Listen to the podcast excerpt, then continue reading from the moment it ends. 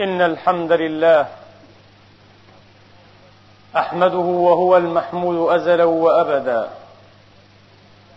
وأشكره على نعمه مستزيدا منها ومسترفدا وأستهديه سبحانه ومن يضلل الله فلن تجد له وليا مرشدا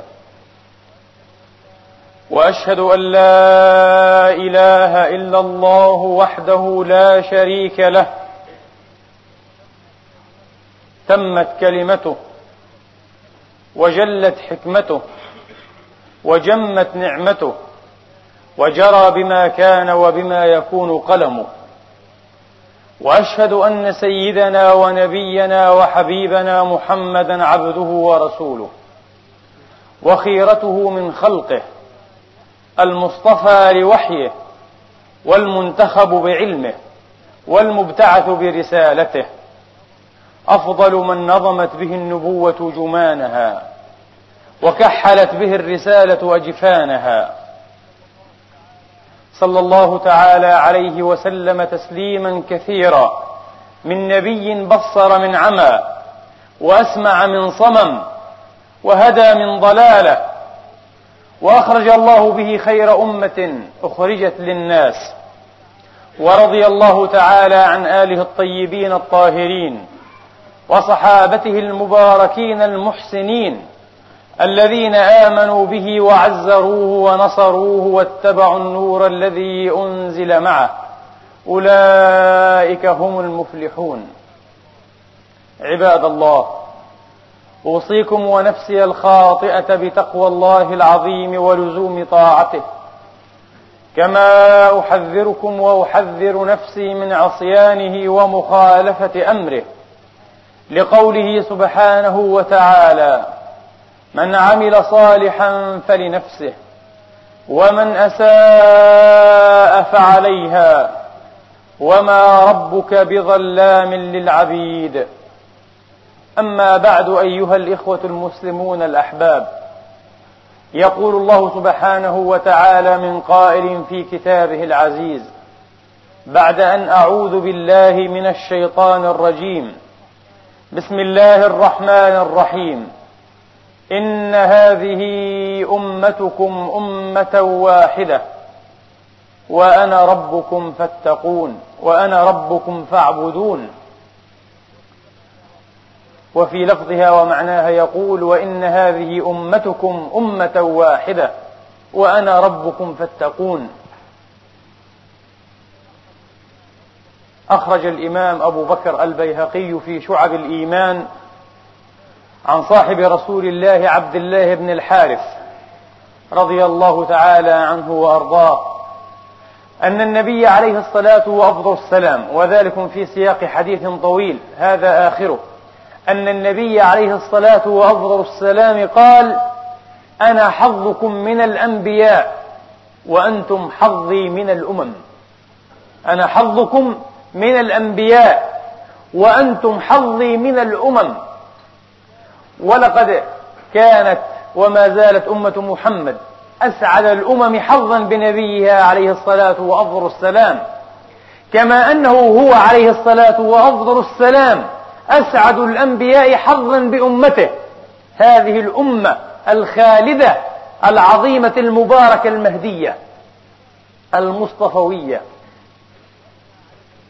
التي أثنى عليها سبحانه وتعالى في غير موضع من كتابه العزيز.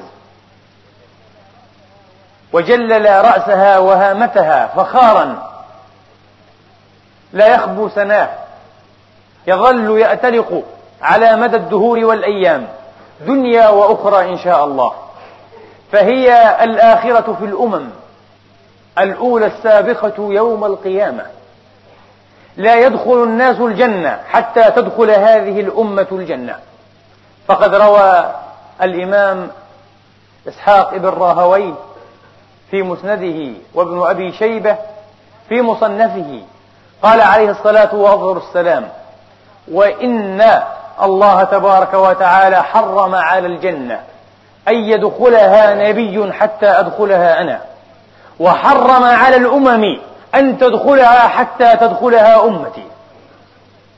وأمة محمد التي لا تجاوز تمثيلا شامة في جنب بعير كما قال عليه الصلاة وأفضل السلام إذا ما قيست إلى الأمم هي نصف أهل الجنة. ولعلها تبلغ الثلثين.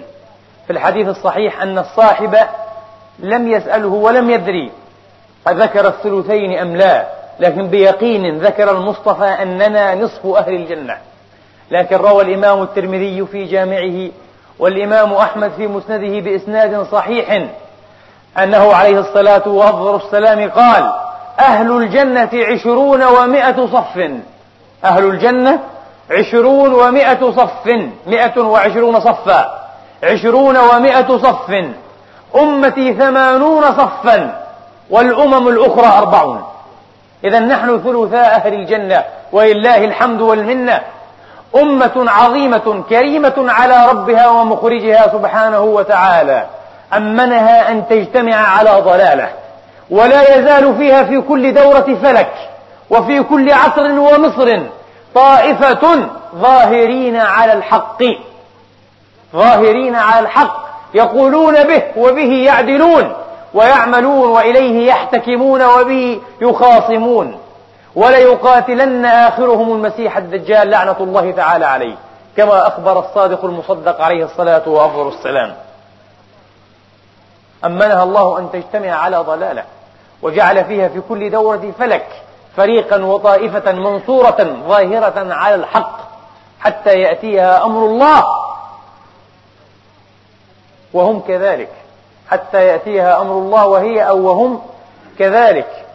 وهذه الأمة أيضا أيها الإخوة الأحباب هذه الأمة أمة بارك الله لها سبحانه وتعالى في علمها وفي شريعتها وفي مواريثها المعنوية. وسأذكر جملة ذكرتها قبل سنين من على هذا المنبر. جملة طيبة من خصائص هذه الأمة الخالدة الكريمة. في الحديث الذي أخرجه الإمام أبو نعيم الأصفهاني عن أبي هريرة رضي الله تعالى عنه وأرضاه قال قال رسول الله صلى الله عليه وآله وأصحابه وسلم لما أنزل الله تبارك وتعالى التوراة على موسى قرأ ما فيها فوجد فيها ذكر هذه الأمة وقد أنزلها كما ذكر سبحانه في سورة الأعراف أنزلها مكتوبة في ألواح يقال تسعة ويقال عشرة هي عشرة ألواح. هذه الألواح التي أنزلها الله قد كتب فيها بخط القدرة التوراة لكليمه موسى عليه الصلاة والسلام. قرأ هذه الألواح قرأ التوراة المكتوبة في الألواح وجد فيها ذكر هذه الأمة. قال يا رب إني أجد أمة أي ذكر أمة إني أجد أمة هم الآخرون السابقون يوم القيامة. هي آخر أمة. لكن أنت أكرمتها فبعثتها أول أمة وتحاسبها أول أمة وتدخلها الجنة أول أمة. بل إنه سبحانه وتعالى ليدخل من هذه الأمة. جعلنا الله وإياكم منهم سبعين ألفا لا حساب عليهم ولا عذاب. كرامة لهذه الأمة ولنبي هذه الأمة. ومع كل ألف سبعون ألفا وثلاث حثيات من حثيات ربنا. ثلاث غرفات من غرفات الرب الكريم يدخلون الجنة من أمة محمد لا حساب عليهم ولا عذاب. سبعون ألفا. ومع كل ألف سبعون ألفا. لا حساب عليهم ولا عذاب وثلاث حثيات من حثيات ربي سبحانه وتعالى. هم الآخرون السابقون يوم القيامة. فاجعلها أمتي. قال تلك أمة أحمد عليه الصلاة والسلام. قال يا رب إني أجد في الألواح وأقرأ. أمة أناجيلها في أناجيلهم في صدورهم يقرؤونها ظاهرا أي استظهارا. وقد ورد في غير حديث وخبر أن الأمم قبلنا كانت أو كانوا يقرؤون كتبهم ولا يحفظونها الكتب المقدسة لم تكن تحفظ لم يعنهم الله على ذلك أن يحفظوه حفظا استظهارا عن ظهر القلب.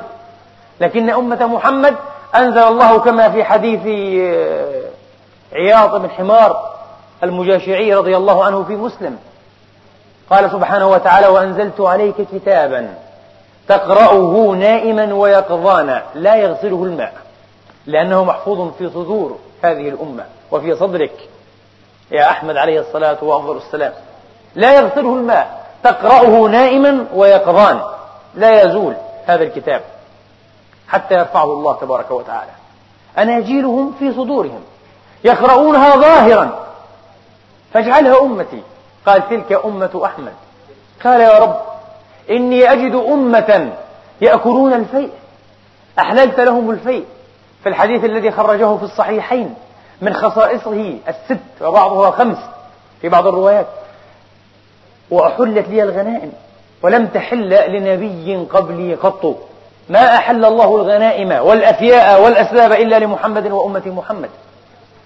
كانت الأفياء والأسلاب والغنائم تجمع وتركم أو يركم بعضها فوق بعض فتأتي نار من السماء فتأكلها.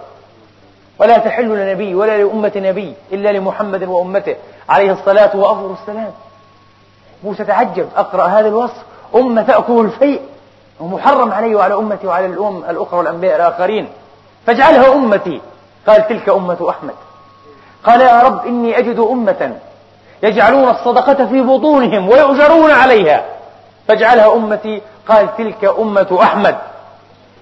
قال يا رب إني أجد أمة إذا هم أحدهم بحسنة فلم يعملها كتبت له حسنة. فإن هو عملها كتبت له عشر حسنات.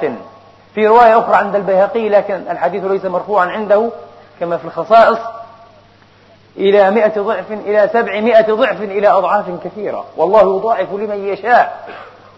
والصحيح المحقق عند كثير من جهابذة العلماء أن تضعيف الأعمال لا حد له.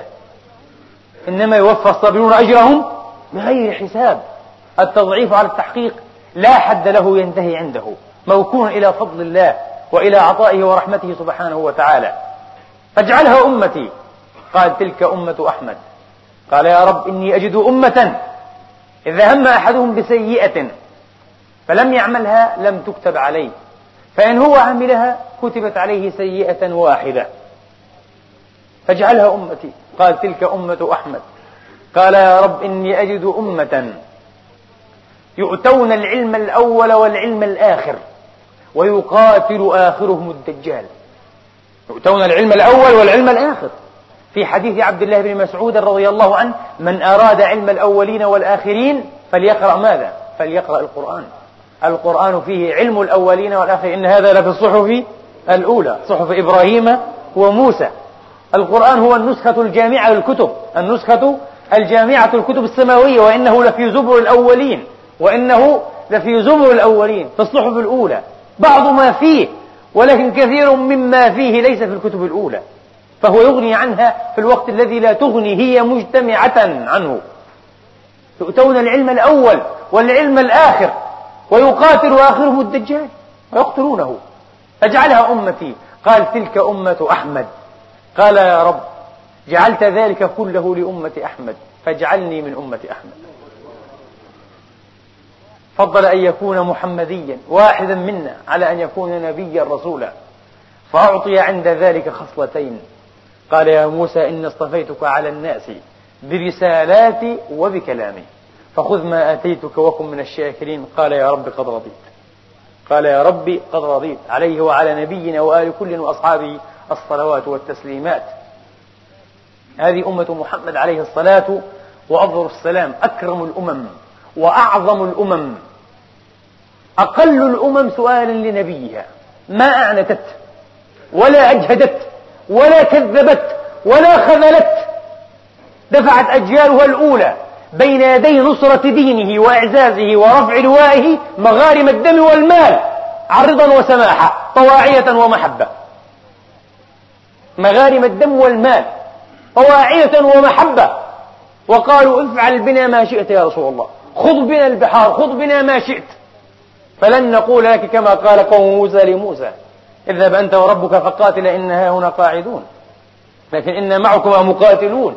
هكذا نصره أنصاره رضي الله تعالى عنهم وعن ذريتهم إلى يوم الدين. أحسن الأمم انقيادا لنبيها. تفكروا في هذا المعنى العجيب. إن أنبياء كثيرين سابقين بعثوا في أمم سابقة. ما لانت مقاداتها ولا أذعنت للحق حتى أخضع الله أعناقهم. وإذ أخذنا ميثاقكم ورفعنا فوقكم الطور خذوا ما أتيناكم بقوة. ما آمنوا إلا بهذا الذي أخضع أعناقهم. فذلت مقاداتهم وتطامرت نفوسهم بكبريائها وغطرستها. رفع الله الجبل فوقهم منطوقا مفتوحا مقورا. فوقهم وقال إما أن تأخذوا هذا الكتاب بقوة وإما دكدكت الجبل فوق رؤوسكم. فآمنوا مرغمين مكرهين وأخذوه مكرهين. هنا تضح لنا عظمة محمد وعظمة الأمة المحمدية. رحمها الله.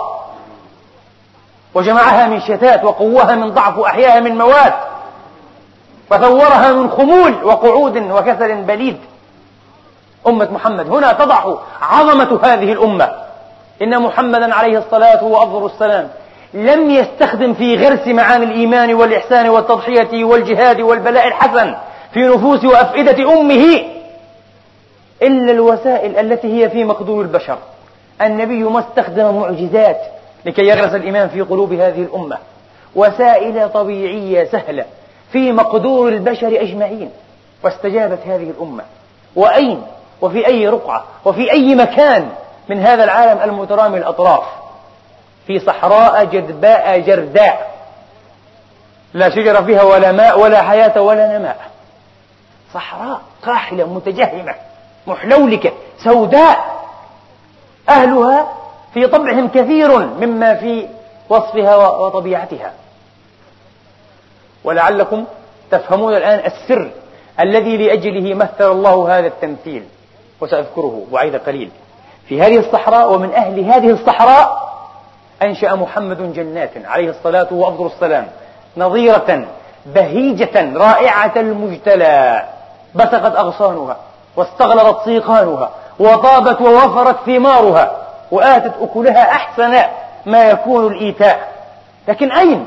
في صحراء جداء ذلك مثلهم في التوراة ومثلهم في الإنجيل. كزرع إنها جنة. لكن أين أنشأ محمد هذه الجنة؟ في الصحراء. هذه هي المعجزة الحقيقية. أخوك عيسى دعا ميتا فقام له وأنت أحييت أجيالا من العدم. وأنت أحييت أجيالا من العدم. ذلك مثلهم في التوراة ومثلهم في الإنجيل. كمثل زرع أخرج شطأه فآزره فاستغلظ فاستوى على سوقه. يعجب الزراع ليغيظ بهم الكفار. تمثيل عجيب. كان بمقدور الله وسعه أن يمثل بألف تمثيل آخر. لكنه أراد واختار أن يمثل هذا التمثيل بعينه. لأن إنشاء جنة بهيجة نظيرة رائعة في صحراء معجزة. ولا كل المعجزات. وهذا ما قام به رسول الله عليه الصلاة وأفضل السلام إلى محمد تنتهي أمجاد الفطرة البشرية الناصعة وهو نموذج الكمال الإنساني العتيد. لذا أحبه أتباعه وأحبته أمته حبا لا يقاس بحب الأمم أنبياءها السابقين. بحب الأمم أنبياءها السابقين على الإطلاق. وبادل أمته حبا بحب. لقد اتسع حبه لأمته للسابقين واللاحقين منها. فقد روى الشيخان والنسائي ومالك في الموطأ عن أبي هريرة قال أتى النبي عليه الصلاة وأفضل السلام يوما المقبرة يعني المقبرة. والمقبرة أفصح. المقبرة فقال سلام عليكم ذا قوم مؤمنين. وإنا إن شاء الله بكم لاحقون. فذكر شكون أنتم السابقون؟ وإنا إن شاء الله بكم لاحقون. وددت أني أو أنا رأينا إخواننا. وددت أنا رأينا إخواننا. قالوا يا رسول الله أولسنا إخوانك؟ قال أنتم أصحابي. وإخواني أناس يأتون من بعد. نحن اللهم اجعلنا منهم. ما أفخر وما أعظم هذا الوصف والنعت أخوة المصطفى عليه الصلاة وأفضل السلام أحبنا حبا عظيما وقرأ علينا السلام كما ذكرنا في خطبة وفاته عليه الصلاة وأفضل السلام وعليه السلام إلى أبد الأبيد. قرأ علينا السلام على كل أحد من أمته إلى يوم الدين وهو يحتضر عليه الصلاة وأفضل السلام حب هذه الأمة حبا عظيما. كذلك وقال أيضا في وصف محبة أمته له وهذا حديث صحيح. قال من أشد أمتي لي حبا. ناس يأتون من بعدي يود أحدهم لو رآني بأهله وماله يضحي بأهله وماله جميعا على أن يراني رؤية لمرة واحدة. يصف حبنا أو حب بعضنا. اللهم اجعلنا على هذا الوصف. حبنا وحب بعضنا له عليه الصلاة والسلام. يود أحدهم لو رآني بأهله وماله أي جميعا. محبة عظيمة. مبادلة بين النبي وبين أمته عليه الصلاة والسلام. أبو سفيان في قصة آه، خبيب بن عدي. قال ما رأيت أحدا يحب أحدا كحب أصحاب محمد محمدا هذا خبيب الذي قال قال أنا لا أرضى أن أكون في أهلي سالما آمنا وادعا وإن محمدا ليشاك شوكه. يعني أنا أفضل هنا أن أقطع إربا إربا وشلوا شلوا في مصرعي هذا على أن يشاك رسول الله بشوكة واحدة. أين هذا من بطرس؟ الحواري النازك صاحب عيسى. عندما تألب كلاب الأرض من اليهود والرومان على عيسى عليه الصلاة وأفضل السلام وجاء أبو بطرس أنكره قال أنا لا أعرفه لم أسمع بهذا المعلم ولا مرة واحدة. ما الفرق بين بطرس وبين خبيب؟ بين بطرس وبين واحد صادق في محبته لرسول الله منا. الفرق هو بين أمة محمد وبين الأمم الأخرى. وهو الفرق بين محمد وبين غيره من الأنبياء عليه الصلاة وأفضل السلام. هذه أمة محمد أمة عظيمة وأمة موجودة وخالدة بإذن الله تعالى خلود هذا الدين. يشكك بعض العلمانيين للأسف الشديد.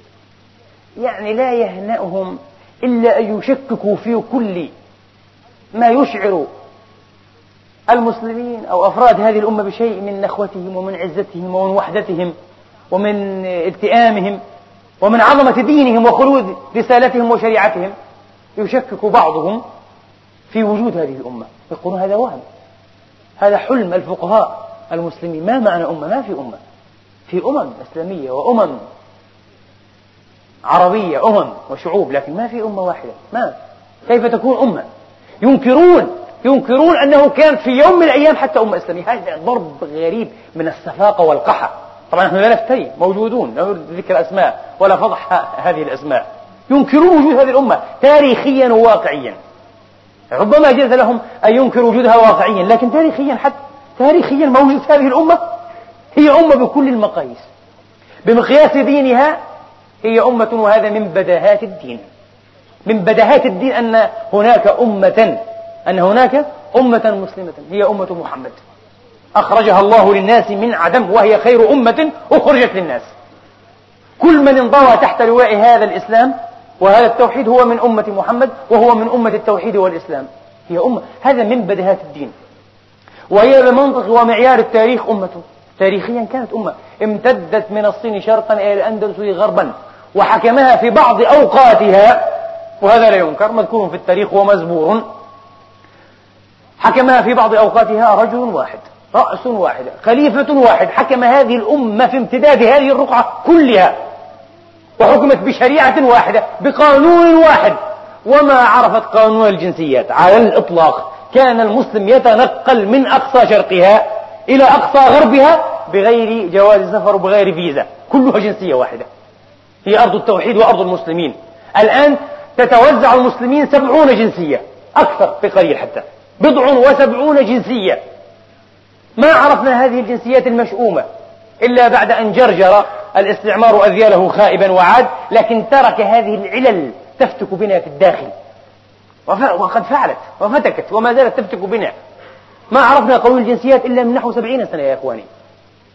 والآن صرنا أكثر من سبعين جنسية. أكثر من سبعين جنسية وما عرفنا إلا منذ سبعين سنة تقريبا. وقبل ذلك أمة محمد هي أمة واحدة. على مدار هذه الرقعة المترامية الأطراف. ساهم العربي والتركي والفارسي والكردي والملاوي والإندونيسي والملي والهندي.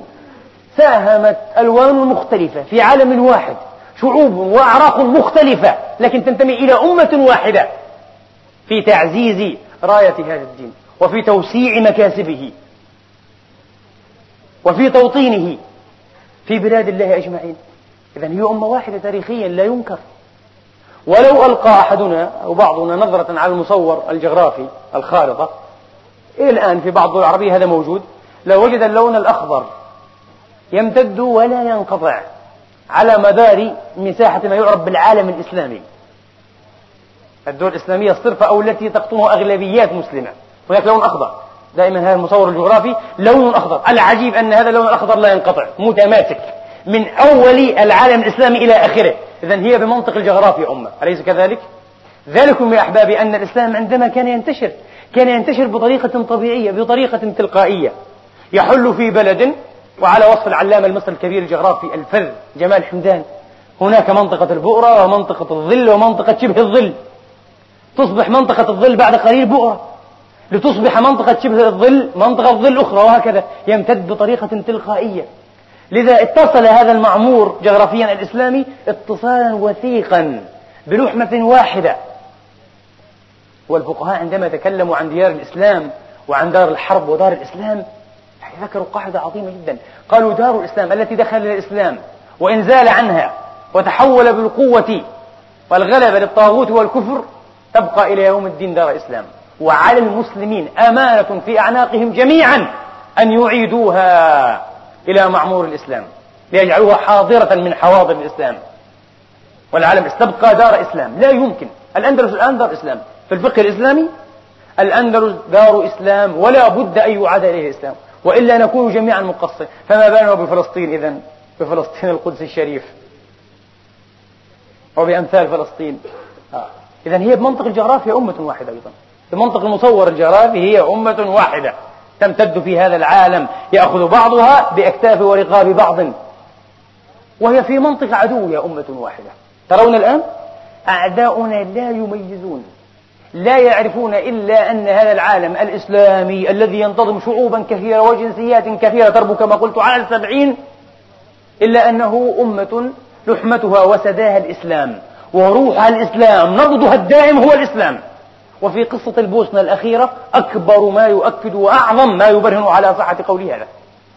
هؤلاء البوسنويون أكثرهم ما كان يتمسك من الإسلام إلا باسمه وألا يتمسك بشيء من شعائره ولا من شرائعه بل ربما كان أمعن في الفساد والفجور والكفران من الكافرين أنفسهم. لكن الغرب جميعا تواطأ على إبادتهم وهذا وصف أنا متواضع جدا فيه تواطأ أكثر من تواطأ. وتواقح أو بعبارة المرحوم الشيخ الغزالي مارس الدعارة السياسية. دعارة سياسية. لأنه كان يكيل بألف مكيال ويجاهر بذلك بكل صلف ووقاحة. نعم هذا هو موقفي لأنها قضية إسلامية. الآن عندما رشح أحدهم للأمم المتحدة هذه المنظمة الماسونية العالمية طبعا منظمة ماسونية مشهورة الأمم المتحدة هذه. رفض مباشرة لأنه في يوم من الأيام ربما ترأس أو عمل في رابط العام الإسلامي. وذكر هذا بكل وصف. نعم. أنت عملت في الرابطة الإسلامية مرفوض بالإجماع مرفوض.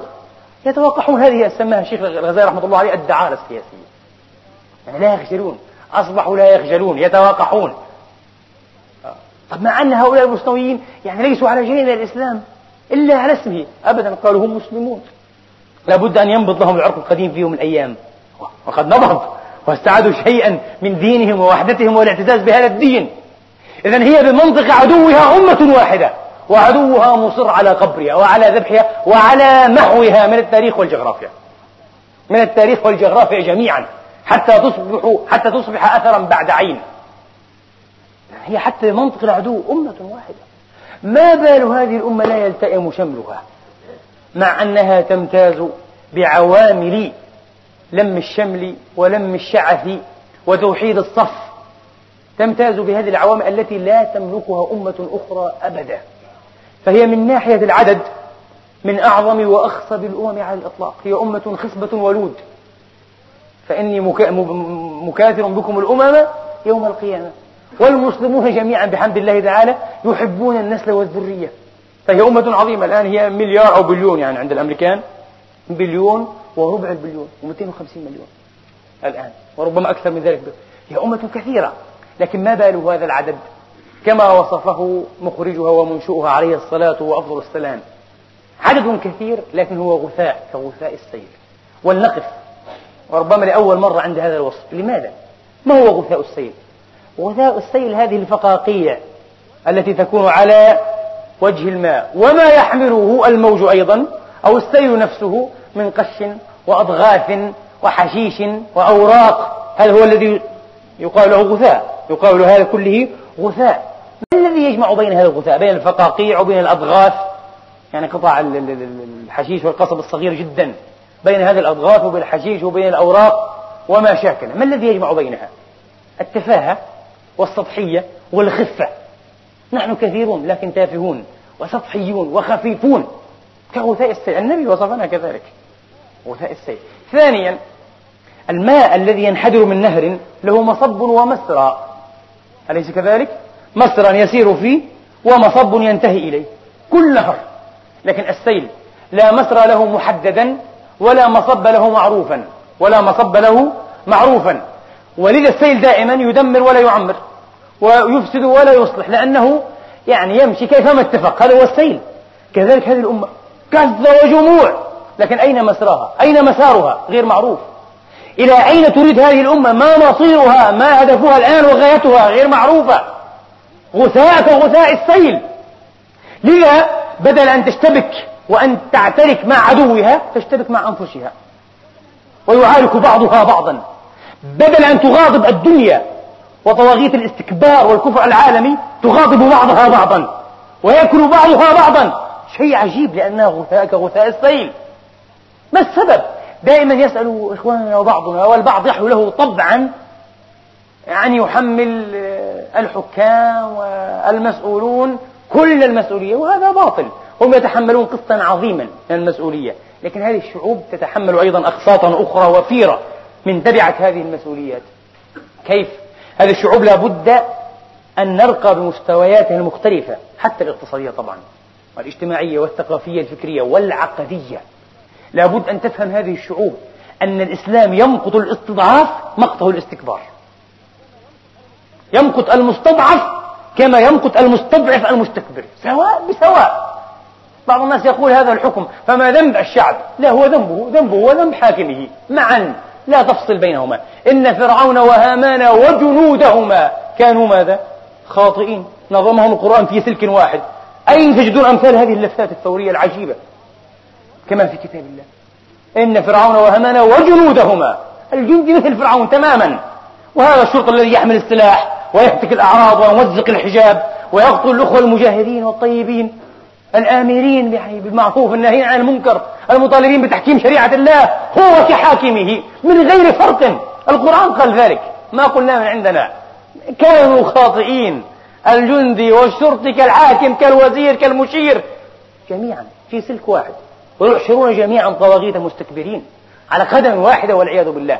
لكن القرآن أخبرنا أن الله أيضا يمقت الضعيف الذليل المستضعف هذا كالذي استضعفه واستكبر عليه. سواء بسواء. كما حرم الإسلام أقول لإخواني أمس كما حرم الإسلام الزنا والفواحش والخمر حرم الذلة على المؤمن. بعض الناس هذه المعاني عجيبة. ما قرأنا في كتب الكبائر أو الصغائر تحريم الذلة من المحرم. أبدا. من أعظم ما حرم الإسلام ولأول أيامه الذل والهوان ولذا أمر المسلمين بماذا؟ أمرهم بالهجرة والذين لم يهاجروا واستضعفوا أولئك مأواهم جهنم وساءت مصيرهم لماذا لم تهاجر؟ أمن أجل نخيلات لك؟ من أجل دويرة؟ من أجل أهلك ومالك الذين ما أسلموا معك لله طوعا؟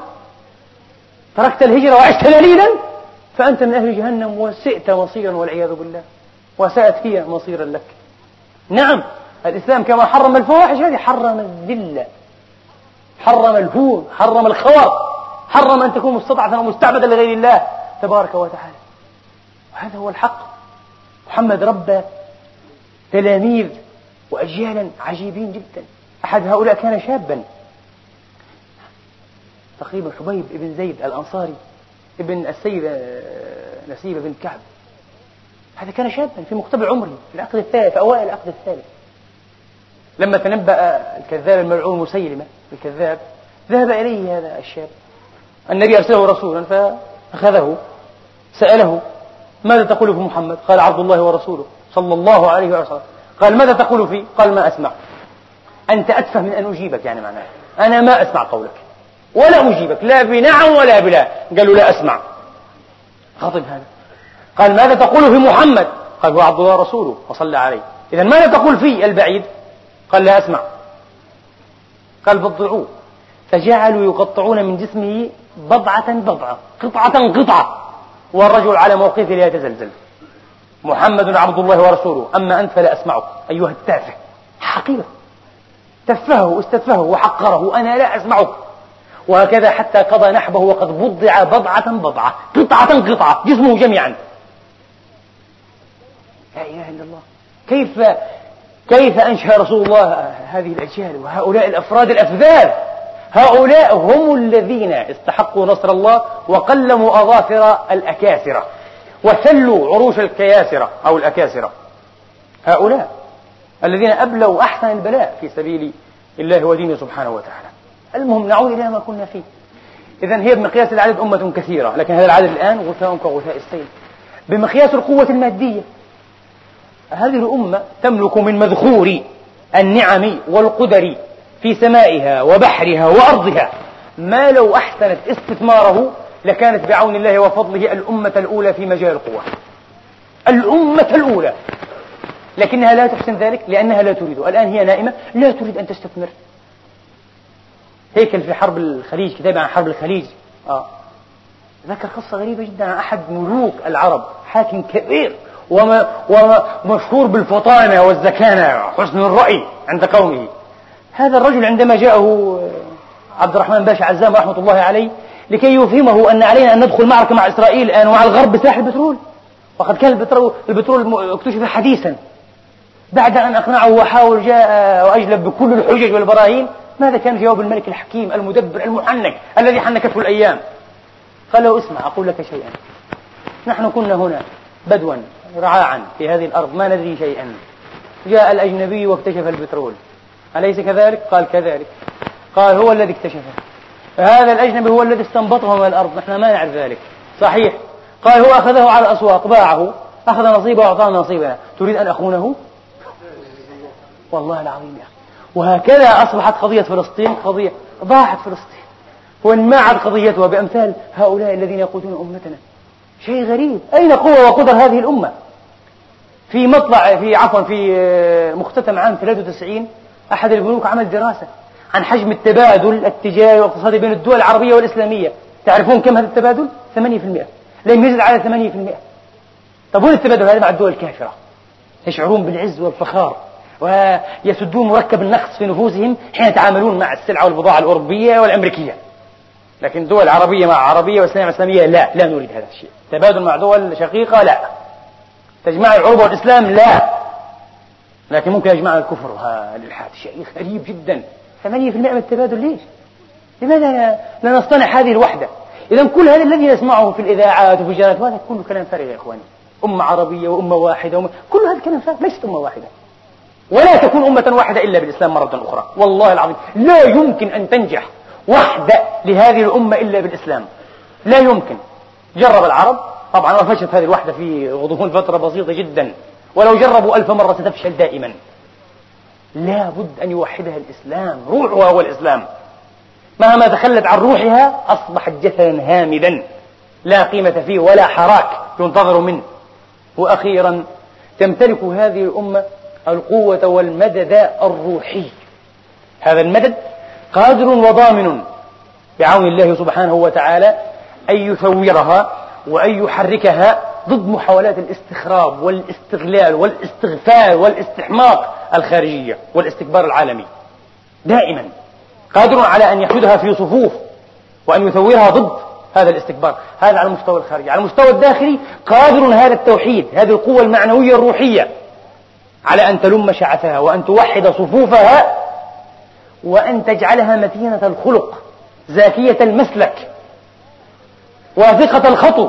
لا يعتو لا يعتور ولا يلحق خطوها عثار إن شاء الله تعالى بهذه القوة الروحية بهذه القوة المعنوية التي تستوي في صقل وفي تلميع وفي تطهير الحاكم والمحكوم جميعا.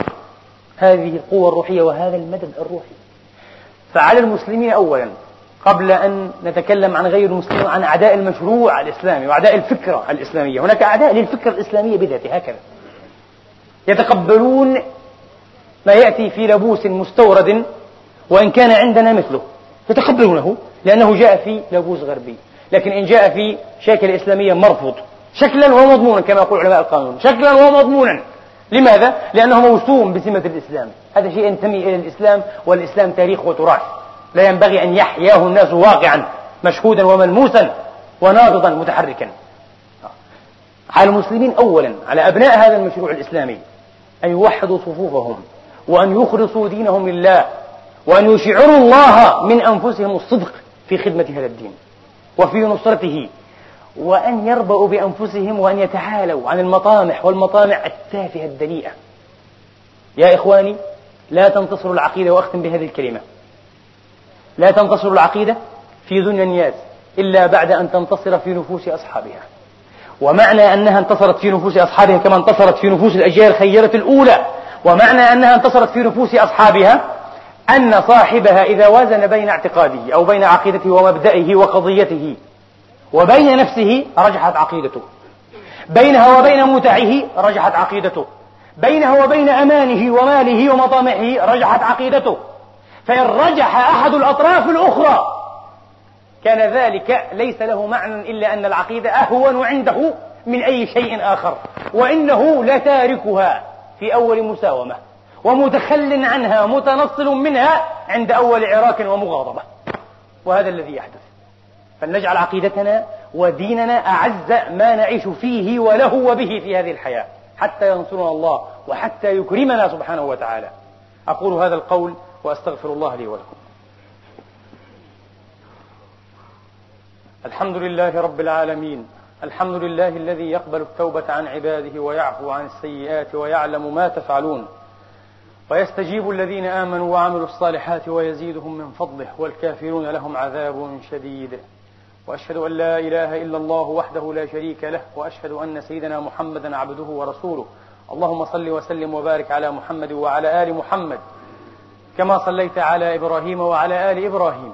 وبارك على محمد وعلى آل محمد كما باركت على إبراهيم وعلى آل إبراهيم في العالمين إنك حميد مجيد. اللهم حبب إلينا الإيمان وزينه في قلوبنا وكره إلينا الكفر والفسوق والعصيان واجعلنا من الراشدين.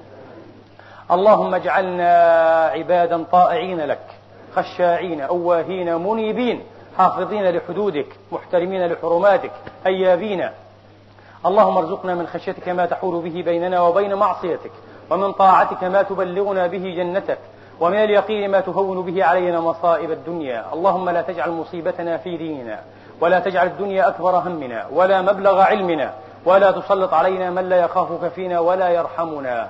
اللهم أصلحنا وأصلح بنا. اللهم اهدنا واهد بنا. اللهم اجعلنا مفاتيح الخير مغاليق للشر. ربنا اغفر لنا ما قدمنا وما أخرنا.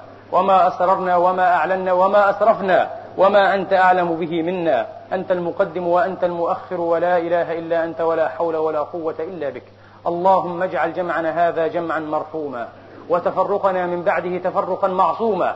ولا تذر فينا شقيا ولا محروما. اغفر لنا ولوالدينا وللمسلمين والمسلمات المؤمنين والمؤمنات الأحياء منهم والأموات. بفضلك ورحمتك إنك سميع قريب مجيب الدعوات. عباد الله إن الله يأمر بالعدل والإحسان وإيتاء ذي القربى وينهى عن الفحشاء والمنكر والبغي. يعظكم لعلكم تذكرون. اذكروا الله يذكركم واشكروه يزدكم وسلوه يعطكم وقوموا إلى صلاتكم يرحمني ويرحمكم.